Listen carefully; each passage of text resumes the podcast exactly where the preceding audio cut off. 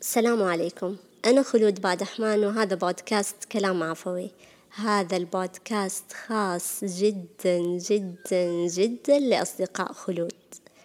قبل البدء هذه الحلقة لها القدرة بأن تبعثرك. أنت تسمعها الآن على مسؤوليتك الخاصة. لذلك جرى التنويه. هل حدث وفكرت في التوقيت الذي عرفت الناس به؟ وكيف كانوا قبلها؟ وهل كانت ستتغير طبيعة علاقاتنا إن كنا قد عرفناهم في وقت غير هذا؟ مع العلم أنه ليس شرطًا أن يكون ذاك الوقت هو الوقت الأمثل، الفكرة كلها في تغيير عامل الوقت. فكر في شخص عرفته قريبًا أنت منسجم معه، ماذا لو عرفك قبل خمس أعوام من الآن أو عشرة أعوام؟ هل كنت ستتفق معه آنذاك؟ هل كنت ستعالج الأمور بينكما بنفس الطريقة التي تستخدمها الآن؟ هل ستراه بذات المنظور الذي تراه به اليوم؟ قد تظن أن الإجابة نعم، وأنك ثابت ولم تتغير، لكن الحقيقة غير ذلك، وإن كانت كذلك فهي كارثة. ربما كنت أعرف الكثيرين ممن تعرفهم أنت ولكني أعرفهم مع فارق التوقيت والخبرة والمواقف والمكانة. الوقت يمضي بالتوازي مع المواقف والخبرات والمعارف ودروس الحياة.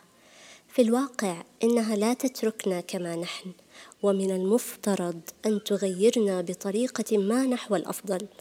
غير أن الإشكالية الوحيدة للخبرة والمعرفة العميقة أمام سيل فضائلها أنها في كثير من الأحيان تفقد الإنسان براءة الفكرة ودهشة الشعور. دعني أضرب لك مثلا من واقعنا المهني. إن كنت قد قطعت شوطا كبيرا في عمل ما أو امتلكت خبرة طويلة في مجال محدد فإنك لن تعد تنظر ببراءة نحو العروض التي تقدم لك أو الأسماء اللامعة ولن تدهشك الكثير من الوعود التي تسمعها. أنت فهمت اللعبة وعرفت فحواها ونهاياتها وصرت تعرف من لمحة واحدة إن كانت هناك جدوى أو أنك تبدد وقتك. تنظر للذين بدأوا للتو يشقون طريقهم أو استجدت مرحلة ما في حياتهم قد سبقتهم لها واقعا أو إدراكا. تراقب تصرفاتهم وشعورهم تحاول أن تختصر عليهم الطريق وتصب جل خبرتك كي لا يكرروا خطأك. ثم تصل لقناعة تقول أن عليهم خوض التجربة كاملة ليفهموا أكثر ويعيشوا الشعور بكل تفاصيله. فلا تسرق دهشتهم ولا تفسد براءتهم ما لم يكن عليهم أي ضرر. هذه الخبرة المتقدمة تجعلك انتقائيا لدرجة أكبر في اختياراتك. دقيق جدا ترفض أول الكثير لأنك تعرف آخره وتقبل ما لا يجد الآخر له مبررا.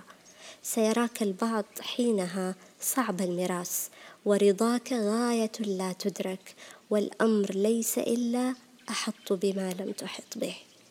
ربما كنت عرفت ذاك الشخص في بداياته وقت حماسه واندفاعه حين لم يكن يملك الخبرة الكافية. ستكون عنه فكرة مختلفة عما لو كنت عرفته بعد التجارب والمواقف الكثيرة وصروف الحياة. ربما عرفت ذاك الشخص بعد تجربة خذلان مريرة جعلته متشككا من ودك مترددا في الإقبال عليك صارما في ردات فعله وحذرا لأبعد الحدود.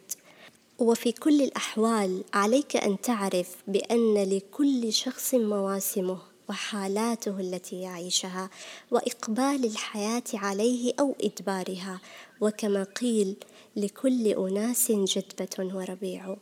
يقودنا هذا للحديث عن توقيت المواقف التي نمر بها الأشخاص الذين نلتقي بهم الخبرات التي نكونها أو نطعن في صحتها.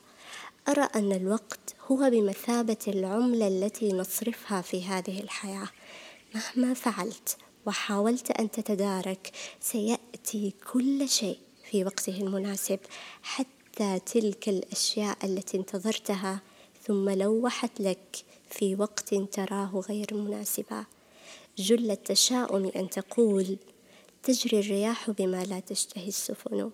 والمبالغة في التفاؤل أن تقول تجري الرياح كما تجري سفينتنا. ولكن ربما كان هناك احتمالا ثالثا. يقول أن منظورنا تغير ورغبتنا لم تعد كاملة. أحب المعنى المتمثل ببيت الشاعر سلطان السبهان جرت الرياح بما اشتهته سفينتي وتعانق لكنني لم أشتهي.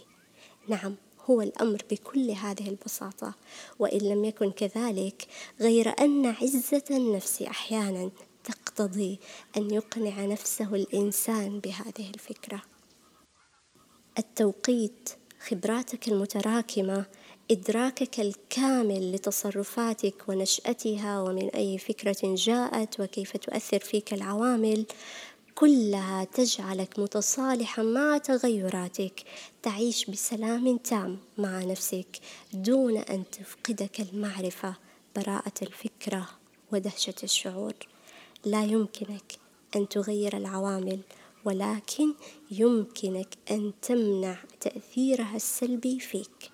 مهما خذلت هناك مساحات كبيرة للثقة والحب. مهما كانت الظروف هناك بصيص أمل وفرج قادم.